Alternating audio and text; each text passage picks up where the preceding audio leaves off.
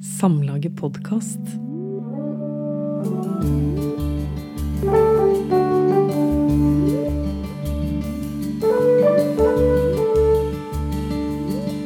I denne episoden diskuterer Ingvild Kjærstein debutromanen sin, Aust-Vest-passasjen, som foregår både i Norge og i Japan, sammen med Japan-kjenner og sakprosaforfatter Ina Strøm, som har skrevet bøkene 'Alt dette er Tokyo' og 'En japansk vår'.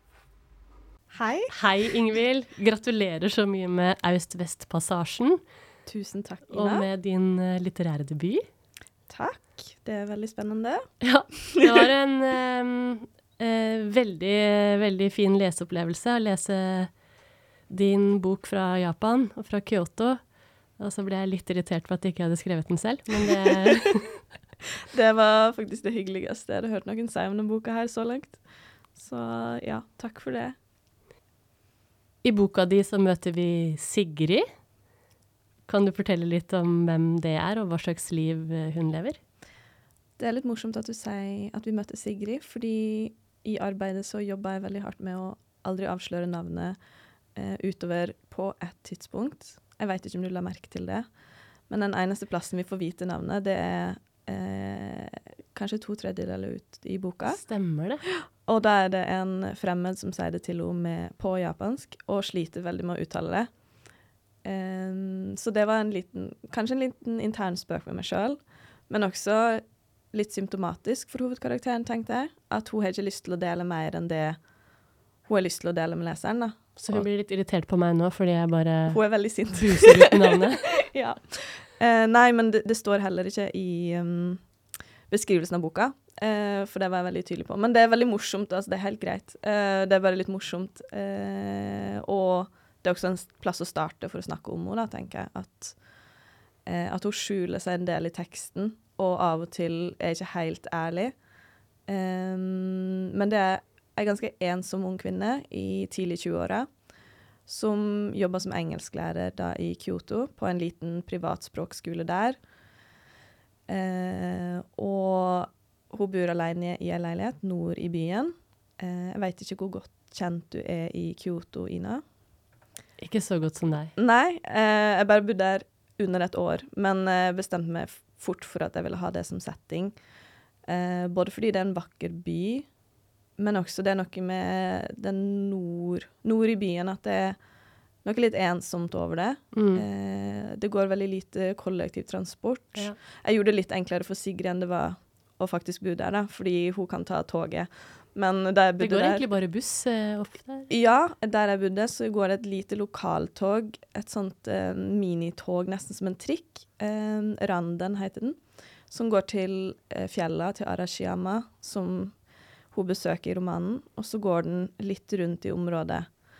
For å komme seg til en ordentlig togstasjon, så er det Ja, for en norsk standard er det jo ganske bra, da, men 20-25 minutter, og det er ganske langt eh, i en japansk by.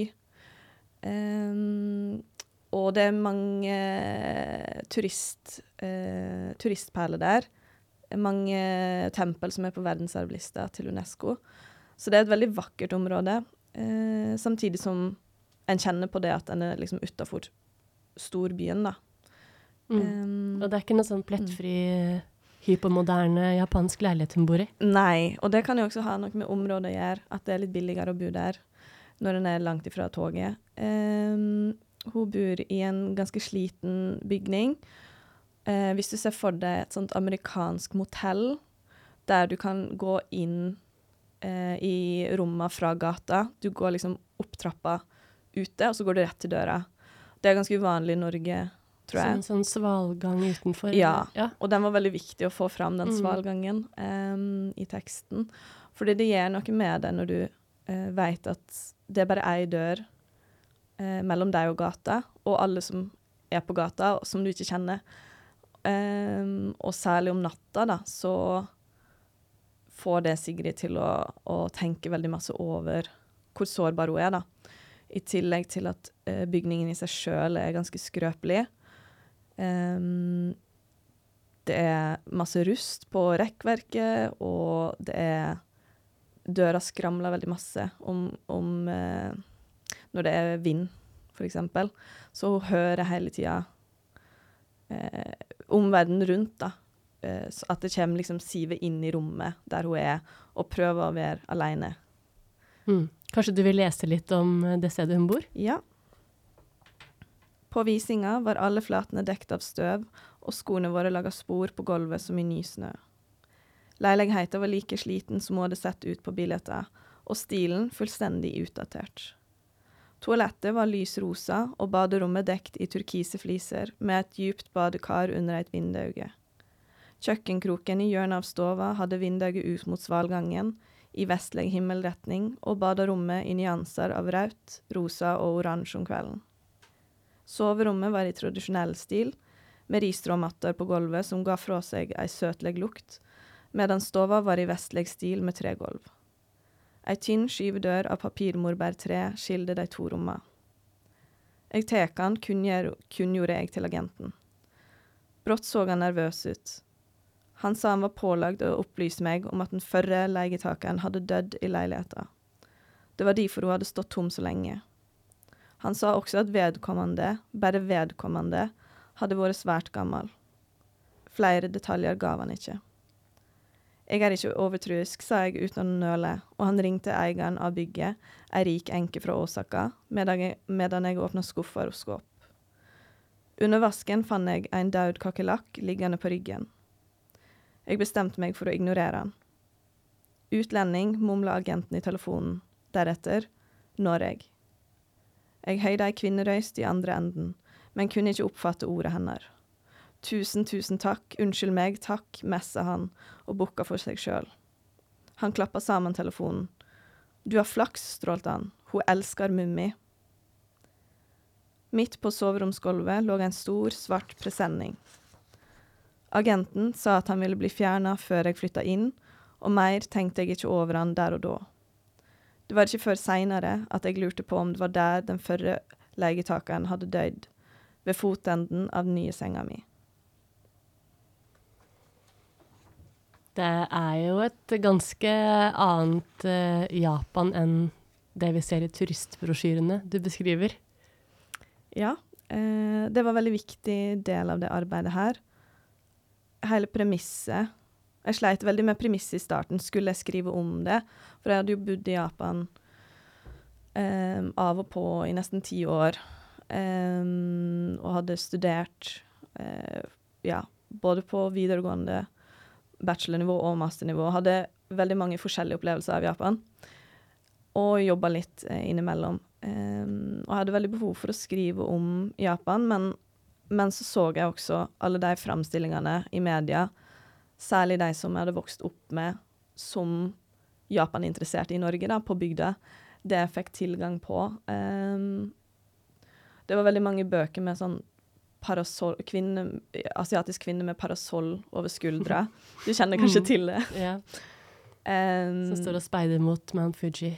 Ja. Mm. Eller under kirsebærblomstene. Ja, sant. Mm. Tenker på elskeren sin. Um, og så tenkte jeg hvis jeg i det hele tatt skal kunne skrive om det her og, og stå inne for det eh, moralsk sett overfor meg sjøl, så må jeg finne en annen måte å beskrive Japan på. Eh, så det var en stor del av arbeidet. Det var Altså, det var ikke bare rammene for, for manuset eller for romanen, men det var også innholdet. Var det å skulle framstille Japan, da. Eh, på en måte som jeg følte um, var ærlig. Uh, ikke sminka, men også rettferdig, da. Mer rettferdig enn de framstillingene vi ofte ser. Um, for eksempel så er det ofte særlig merkelige ting fra Japan som blir trukket fram i media her i Vesten. Mm. Uh, du kan sikkert kjenne deg igjen i det. At det er eksotiske ting, mm. sære ting. Uh, og så får folk et bilde av Japan som et skikkelig merkelig sted.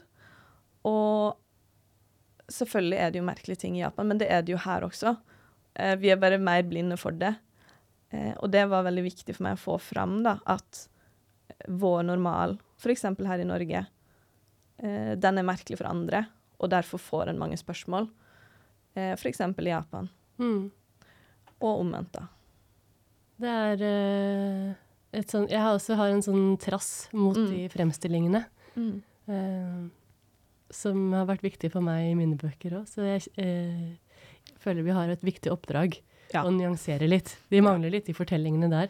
Men eh, så opplever jo også hovedpersonen din noe av den samme eksotifiseringen av Norge. Du leste nettopp et utdrag hvor, eh, hvor det passa veldig bra at hovedpersonen er fra Norge, fordi hun, hun skal leie av elsker, eller vedkommende elsker Mummi. Ikke Ja. sant? At Norden er en sånn Det er noe kaldt og rent og pittoresk og cute, mummiaktig. Mm. Som Så det, det, skjer jo det skjer begge veier, men eh, det er lettest for oss å fange opp hvordan Japan blir fremstilt i Norge, kanskje. Eller i vestlige medier. Ja, og så har vi jo eh, Jeg merker jo det at um, som nordmann så har vi også litt å vinne på å bruke de tingene som folk vet om Norge, eller ikke vet, til å lage vår egen forestilling av Norge. Og um, eh, Men jeg tenker også at det kan bli litt ensomt i lengda, da, å bli oppfatta som en representant.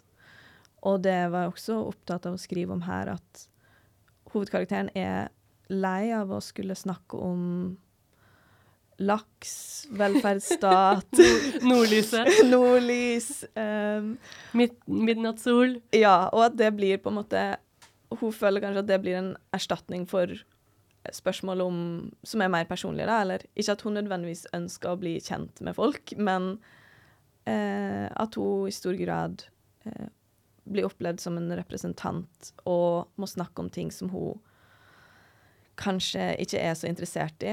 Um, og en kan også bli litt lei av å, å høre alle de fantastiske tingene om Norge Mm. når en er i utlandet, for Ja. det er jo ikke alt som er så perfekt som, eh, som andre vil ha det til, da. Også de der trygge, trygge samtalene også andre veien om eh, hvordan liker du den japanske maten, så god du er i japansk. Eh, har dere også fire årstider, for det har vi her Ja. i Japan. Det er mange, Ja. det, det er mange sånne standardsamtaler som man har i løpet av litt tid i Japan. Mm, Og det gjør jo vi også. ja, Så da er det oppgaven vår å komme forbi det, da. ja eh, jeg har jo blitt veldig opptatt av det sjøl, at når jeg møter folk fra andre kulturer, ikke bare si sånn jeg har mellomlanda på flyplassen i landet ditt, for eksempel, for det er så uinteressant å høre på, da. Mm. Flott flyplass. Ja. Men der kan det være litt sånn eh, Jeg opplevde en gang eh, en, eh, en innehaver av et bitte lite pensjonat i Tokyo som var veldig Mm. opptatt av Norge, og jeg tilfeldigvis hadde mm, booka et rom. Eh, og hun, eh, hun kom liksom med en sånn eh, forkle som hun hadde brodert noe sånn hardangersøm på. Oi. Og så var hun sånn Er du fra Norge? Så fantastisk! Jeg elsker hardangersøm! Og jeg kan jo Wow. ingenting om hardangersøm, men hun, hun hadde den oppfatningen da av at liksom, ja, det er jo mye dårlig vær i Norge, da sitter Mm. dere jo inne og broderer. Mm. Og så var jeg litt sånn, skal jeg, skal jeg korrigere henne, eller skal jeg la henne leve med dette bildet av Norge som et sånn eh, fredelig land hvor vi sitter og, eh, inne og broderer mens regnet trommer på, Ja. på ruta vår. Mm. Så Ja. ja. Men i litteraturen så Mm. kan, man, eh, kan man vise mer, og det er det du Mm. gjør i, i boka di så utrolig fint. Hva var det som motiverte deg til å skrive denne boka? Det er jo det vanskelige spørsmålet. Um, Men det må du Ja, øve på å svare på nå. sant? Eh, det er jo mange ting, men uh, jeg begynte å skrive den her når jeg jobba med masteroppgaven min. Uh, jeg var student eh, ved Åsaka universitet eh, og jobba med masteroppgaven min som jeg måtte skrive på japansk. Eh, og eh, hadde veldig behov for å uttrykke meg på norsk. Det kjente jeg da, fordi jeg brukte norsk veldig lite. Jeg brukte bare norsk når jeg snakka med familien min på telefonen og sånt, og de gangene jeg var hjemme. Ellers så var liksom norsk Hadde ingen plass i livet mitt. Um, så det var litt en øvelse i å trene meg opp igjen i å uttrykke meg på norsk. Um, Det gikk veldig bra. Takk for det. ta helt med ro. Du hadde det Um, fortsatt.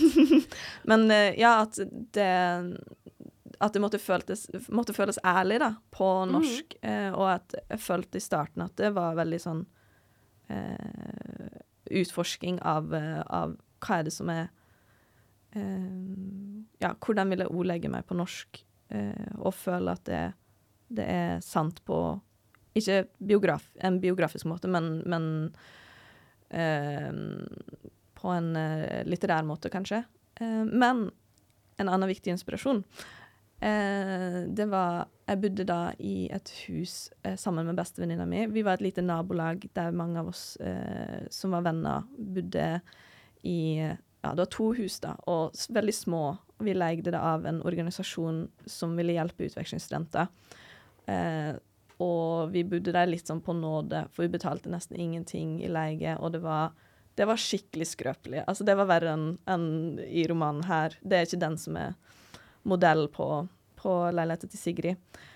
Men eh, da bodde jeg i andre etasje, eh, og så bodde bestevenninna mi i første etasje. Og vi flytta inn der samtidig da, for å bo liksom, ved naboer. Eh, og så var det en helg da jeg var vekkreist. Jeg var i Tokyo og besøkte kjæresten min.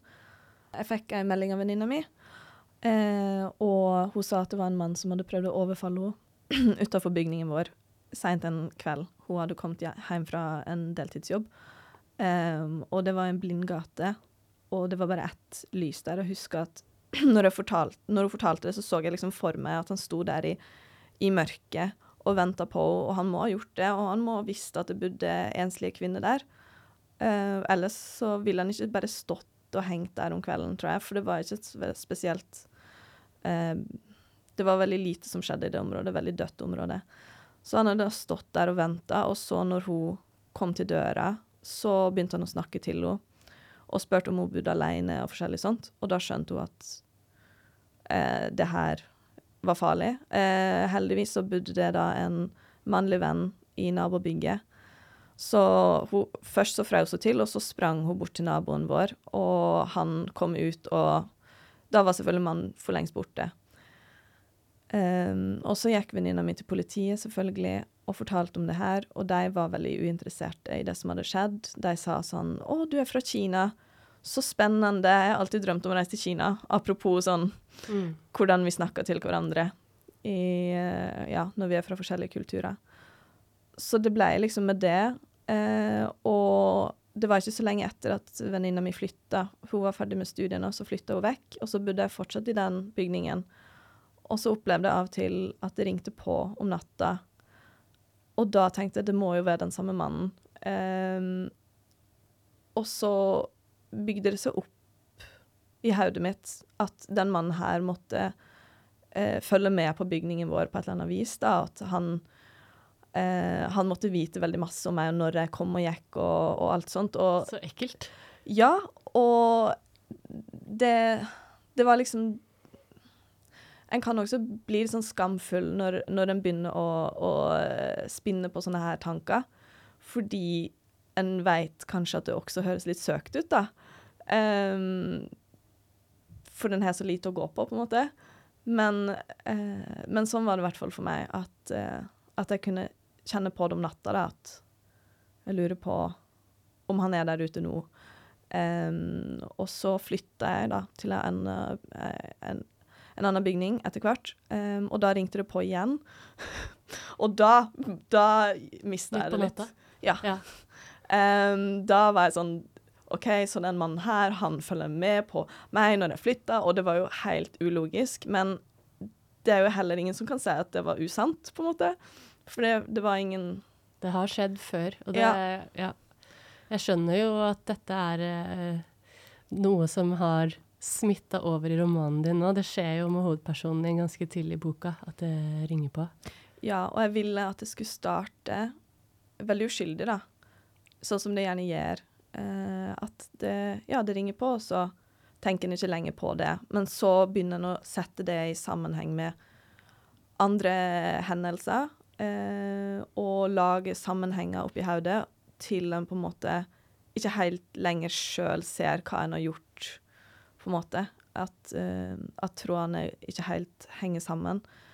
Um, og jeg ville bruke den frykten da som Sigrid har, uh, til å gjøre både hun sjøl og leseren usikker på hvor mye av det her er det som er reelt, og hvor mye er det som er uh, forestilling, da uten at jeg hadde lyst til å svare på det veldig entydig.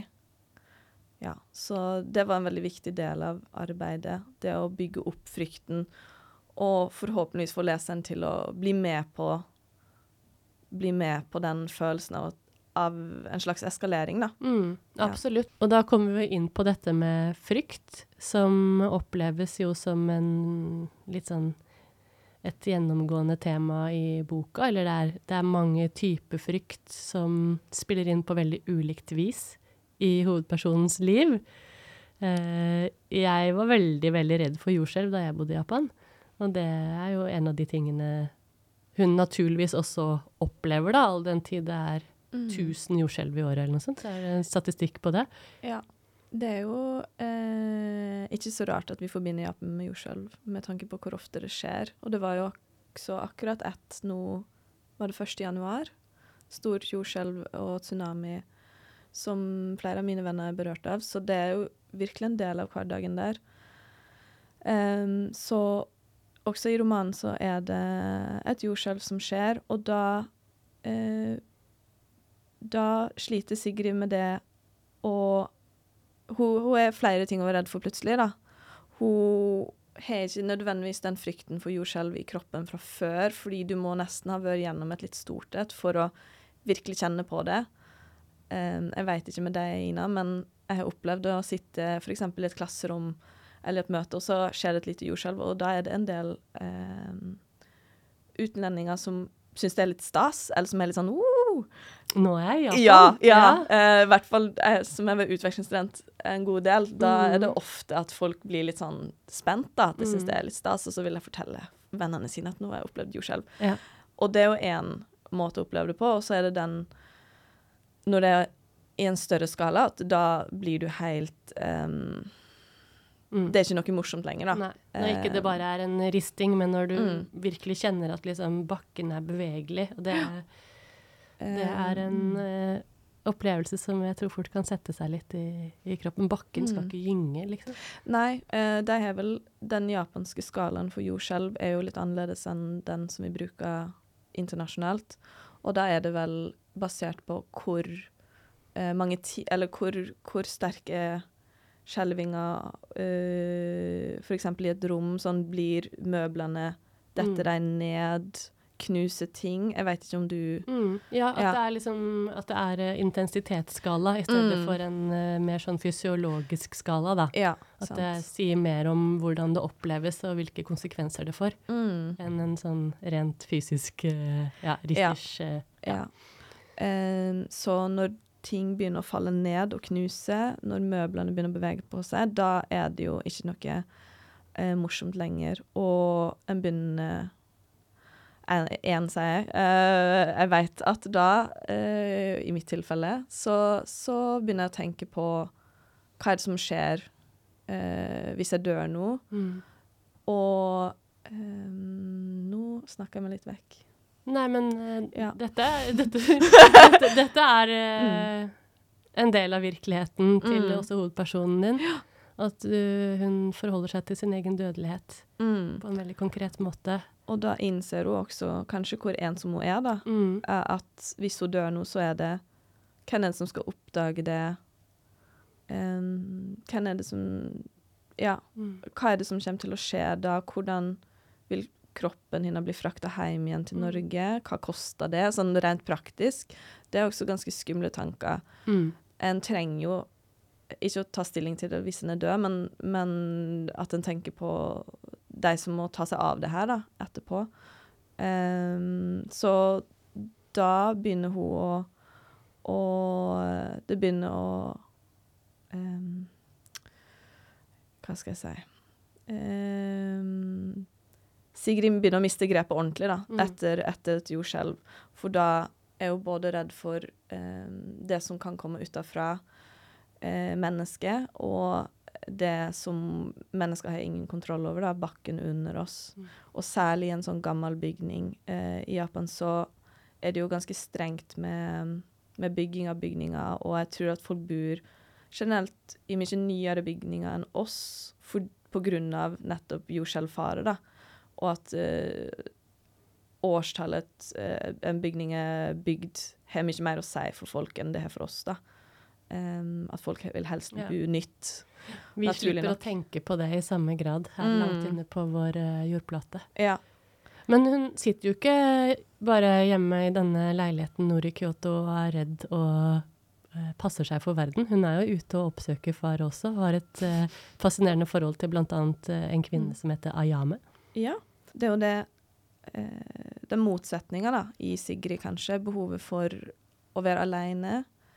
Um, og for å beskytte seg sjøl mot, mot andre. Og så er det det Og så er det ensomhet, kanskje. Um, at hun trenger å oppnå kontakt med andre mennesker.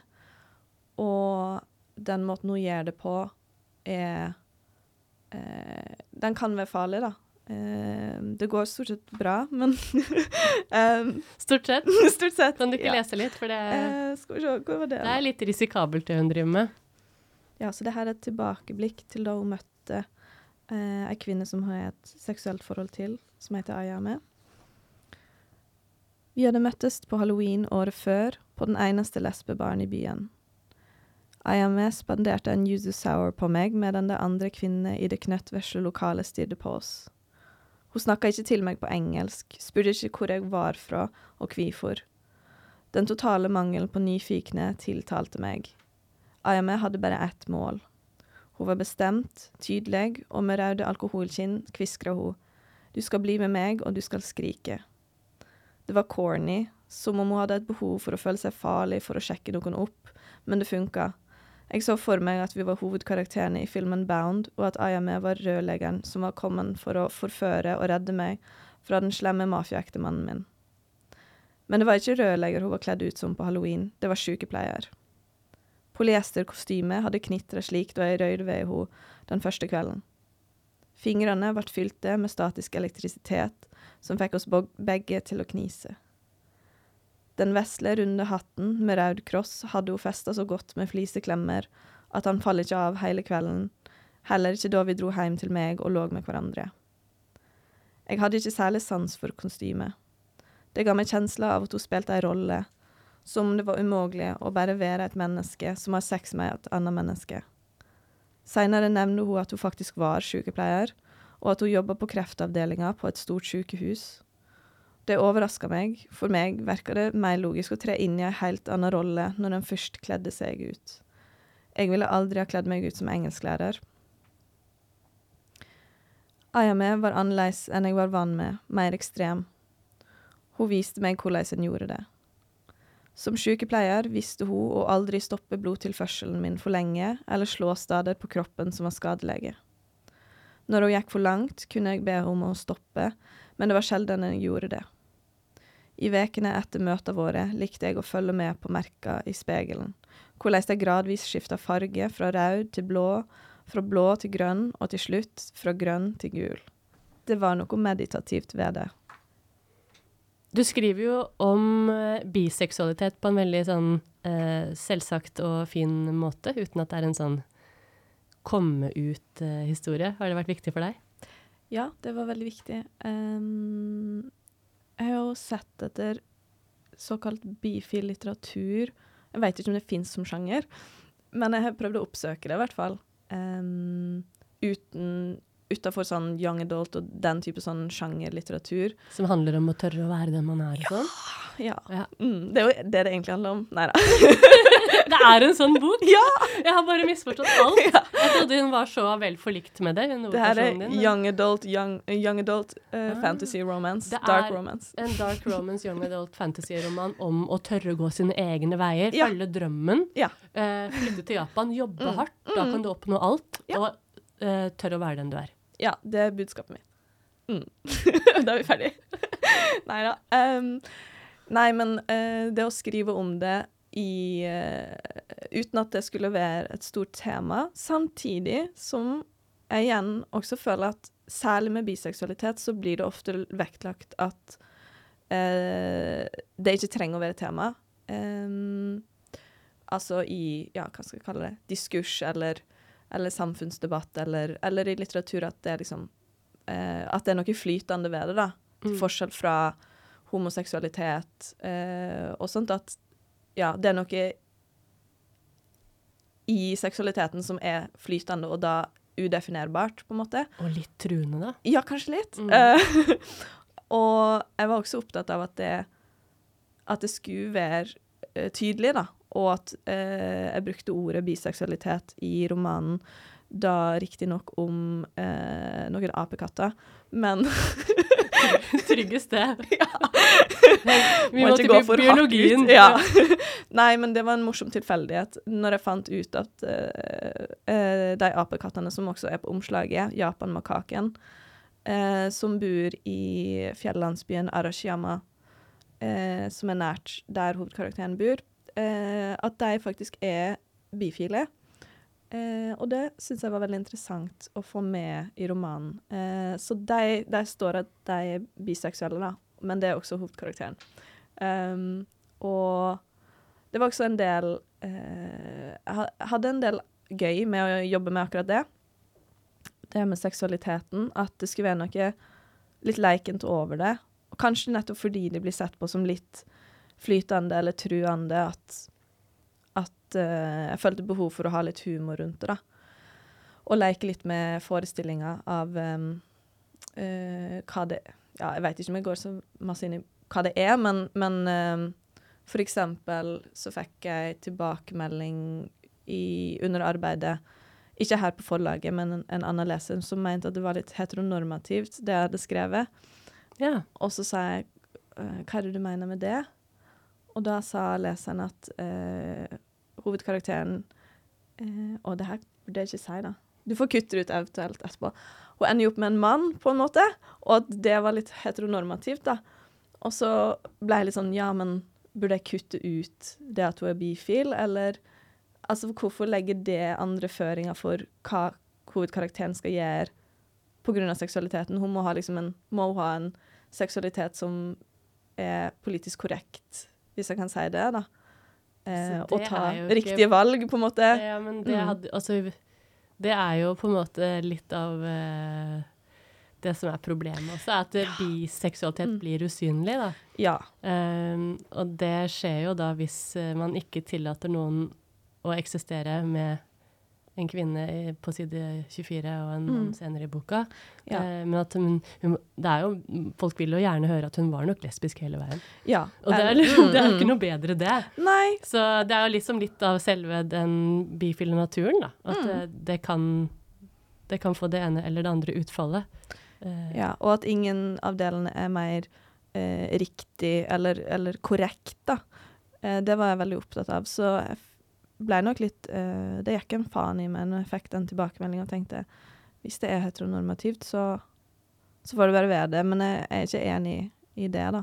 Um, den type um, krav blir ikke satt til en, en heterofil uh, karakter, da. Og det er heller ikke uh, bakgrunnen for valget hennes at. Nei. det er en enklere utvei, som jo på en Mm. måte Ofte er mm, ofte er ja, grunnen til at Ja, altså bifile ender i mm. heterofile forhold, men det er jo ikke, det er ikke tilfellet her, da. Nei, og jeg kan fortelle Ina, at eh, jeg var på Tinder i Japan, og det var tre damer der inne, så det Så det er ikke sånn at, eh, at det er så veldig mange å velge mellom nødvendigvis. Um, Så det er realistisk.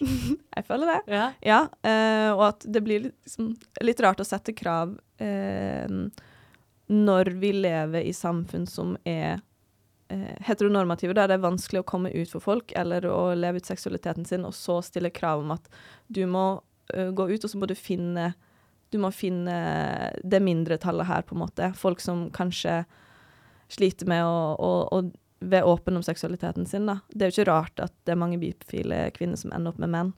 For det er lettere å finne det, rett og slett. Um, men um, jeg var også opptatt av at den kvinna som Sigrid har et forhold til, at hun ikke skulle være um, spesielt omsorgsfull, da, eller, eller uh, varm på mange måter. Da jeg jobba med den tidlige versjonen av manuset, der hovedkarakteren ble forelska i en, en annen lærer på språkskolen eller en elev, opplevde at det var veldig lite motstand i teksten, fordi det var ingen friksjon mellom dem.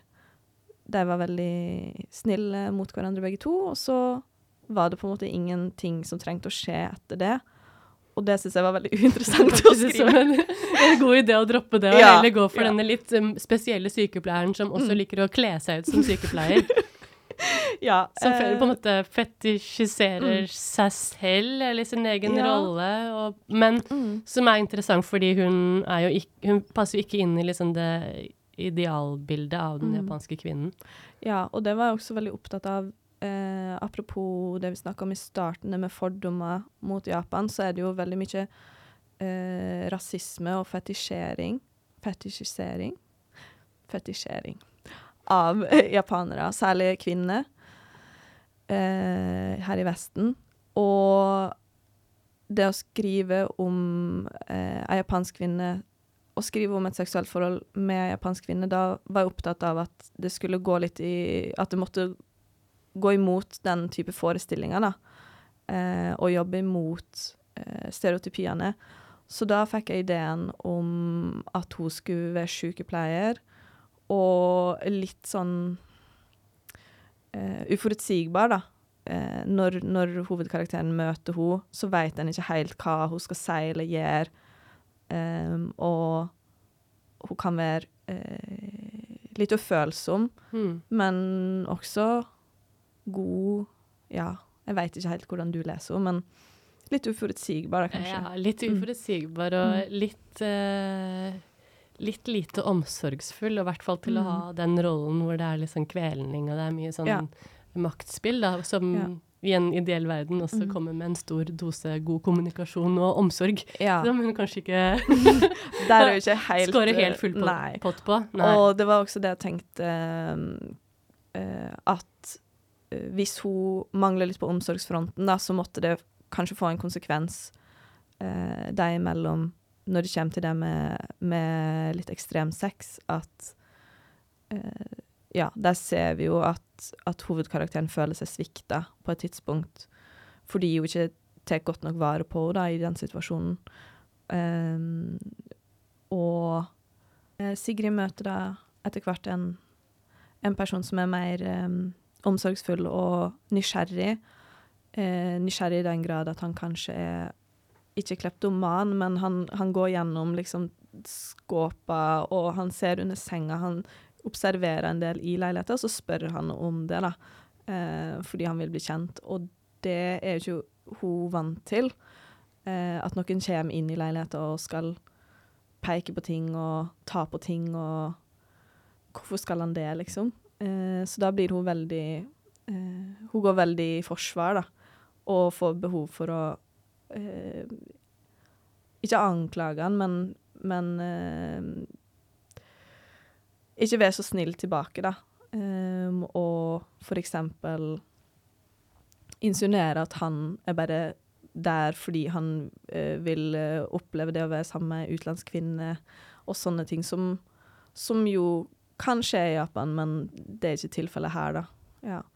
At en fetisjering kan gå i alle veier, da. Uh, men um, ja, hun er ganske ufin tilbake eh, mot han. Eh, ja. Men han, den derre Hans eh, hva skal jeg si, frihet til å romstere litt rundt Mm. i leiligheten, sånn, den, eh, den bryter litt med skikk og bruk i Ja. Japan. Ja. Det er ikke så mange som Vi har et sånt ord i teksten Mm. eh, hvor hun eh, Første gang hun er inne hos naboen, Mm. hva sier hun da? Da sier hun 'ojama shimas', eh, som betyr at jeg eh, forstyrrer eller trenger meg på. Eller er i veien. Ja. Eh, for det er en frase som en sier når en går på besøk til folk. Det er jo mindre vanlig å gå på besøk til eh, venner og, og kjente i Japan enn i Norge, vil jeg si. Fordi det er billigere å gå ut og ete enn det er her. Det er veldig mange aktiviteter å finne på. Så når en skal på besøk til folk, så må en være ordentlig ha folkeskikken på plass, og da sier en liksom ojama shimas når en går inn, da. Um, Jeg trenger meg på, jeg, Mm. nå forstyrrer jeg. ja. Det sier ikke vi når vi kommer på besøk Nei. her i Norge, men eh, Eh, og så tenkte jeg at det blir jo en slags dobbel betydning der, fordi eh, Altså, det sier Sigrid når hun går på besøk til naboen, men også så sier eh, den mannen Jun, han sier det til henne når han går inn i leiligheten, og da er det jo sant for henne at han faktisk trenger seg på hun blir egentlig litt provosert over det, samtidig som hun er det behovet for nærhet, så hun, hun lar han få komme inn likevel, men hun er egentlig ganske skeptisk til det. Eh, og den dørstokken er veldig viktig da, i, i eh, romanen som en slags terskel. Der, med, mellom det rommet der Sigrid får være alene og beskytte seg mot omverdenen, og den verden der ute der hun føler at alt kan skje, da. Mm. Du skal lese litt til. Nå skal hovedpersonen på kino med denne Jun. Ja. Um, her i den scenen her så går jeg litt inn i en slags diskusjon med meg sjøl rundt igjen det vi snakka om i starten med eh, framstillinga av Japan. Og jeg tenkte en del på hvordan synet på Japan har endra seg de siste ja, 100 åra. Um, det er fortsatt mye rasisme mot japanere, merker jeg, når jeg forteller folk at jeg har bodd der. Uh, en del av rasismen går særlig på det med uh, japanske menn. Uh, og at folk er veldig opptatt av å si ja, være rasistiske mot japanske menn og fortelle meg hva de syns. og det har provosert meg veldig masse. Så det var litt av motivasjonen også til å skrive om den karakteren Jun. Det var uh, på trass. um, og i den scenen som jeg skal lese, så går jeg litt inn i uh, den typen rasisme som som uh, japanere var utsatt for historisk sett, og ser det med dagens blikk. Um, den filmen som Sigrid og Jun ser i den scenen her, den er basert på en film som heter The Cheat. Jeg husker ikke nøyaktig år den kom ut, men det var da en eh, film med en japansk karakter og en japansk skuespiller som ble veldig stor i Hollywood på den tida, eh, som stumfilmskuespiller, um, men som ble møtt med veldig mye kontrovers i Japan fordi karakterene som eh, Sesh, Hayakawa Seshu spilte ofte, var veldig brutale, voldelige, farlige. Um, og spilte på en frykt, en fremmed frykt, da, som var veldig sterk i Vesten på den tida. Um, og for eksempel uh, keiser Wilhelm, som er veldig populær på Sunnmøre fordi han besøkte Union hotell i Øyet han var med, med på å popularisere eller uh, nøre opp om den frykten for asiatiske folk eh, som ble kalt the yellow peril på den tida. Mm. Så med den scenen her så vil jeg gå litt inn i en diskusjon rundt framstillinga av japanske menn eh, i media, og ja. For det er en ganske nådeløs uh, og brutal uh, type vi møter. Denne elfenbensprinsen. Ja. Eh, måtte, de måtte jo da bytte en, eh, Produsentene måtte endre nasjonaliteten til eh, karakteren fordi det var så mange japanske amerikanere som reagerte på det. Så der gjorde han om til en eh, burmesisk elfenbeinsprins. Eh, ja, veldig trist. Alltid fint å finne en annen nasjonalitet og putte på den man ikke liker i, ja. i filmen. Nei, men uh, mm. da skal vi høre litt. Ja. Lyset i salen ble sløkt, filmen starta. I mørket tok Jun handa mi, og jeg var ikke budd på det. Handa mi lå slapt i fanget hans. Den kvinnelige hovedkarakteren svima av på sofaen til Elfenbeinsprinsen, med den hvite, blonde kjolen vakkert dandert rundt seg. Jeg fikk ikke helt med meg hvorfor hun mista medvitet, det skulle så lite til for hvite kvinner å svime av på den tida. Elfenbeinsprinsen blåste ut stearinlyset på bordet og lyfta kvinna i armene. Ei hand dvelte over brystet hennes uten å røre ved det. Etter en øyeblink med nøling kysste han kvinna. Hun våkna, fant på ei unnskyldning og skunda seg hjem. Magen min rumla høyt, og Jun lyfta posen med tørka blekksprut mot meg igjen. Takk, kviskra jeg og smakte motvillig på en bit. Blekkspruten smakte seigt, sjøaktig, Jeg skyldde han ned med vinen og ønskte jeg var mer glad i mat fra havet, jeg som var født i Ålesund. På vei til kinoen hadde jeg gått gjennom fiskemarknaden, og da jeg kjente lukta, var det brått som om jeg var der, i fødebyen min. I ei av salsbuene skar en fiskehandler hovedet av en tunfisk. Hendene hans var fulle av blod, og jeg greide ikke å se vekk. Raskt snitta han opp magen og dro ut levra og magesekken. Brutaliteten i rørslene skremte og fascinerte meg. Mannen smilte da han la merke til at jeg observerte han, og åpna munnen for å ta i bruk engelsken han hadde lært i grunnskolen for å selge meg fisk. Jeg gav et lite bukk og gikk videre før han rakk å si noe. På kinolerretet lånte Elfenbeinsprinsen kvinna penger. Hun hadde ei spelegjeld hun ikke torde fortelle mannen sin om. Kom heim til meg, insisterte Elfenbeinsprinsen over telefonen, og kvinna gjorde store øyne, men sa ja. Hun hadde ikke noe valg. Idet de høghæla skoene hennes trefte den importerte tatamien, trekte Arakau kvinna mot seg i ei omfavning.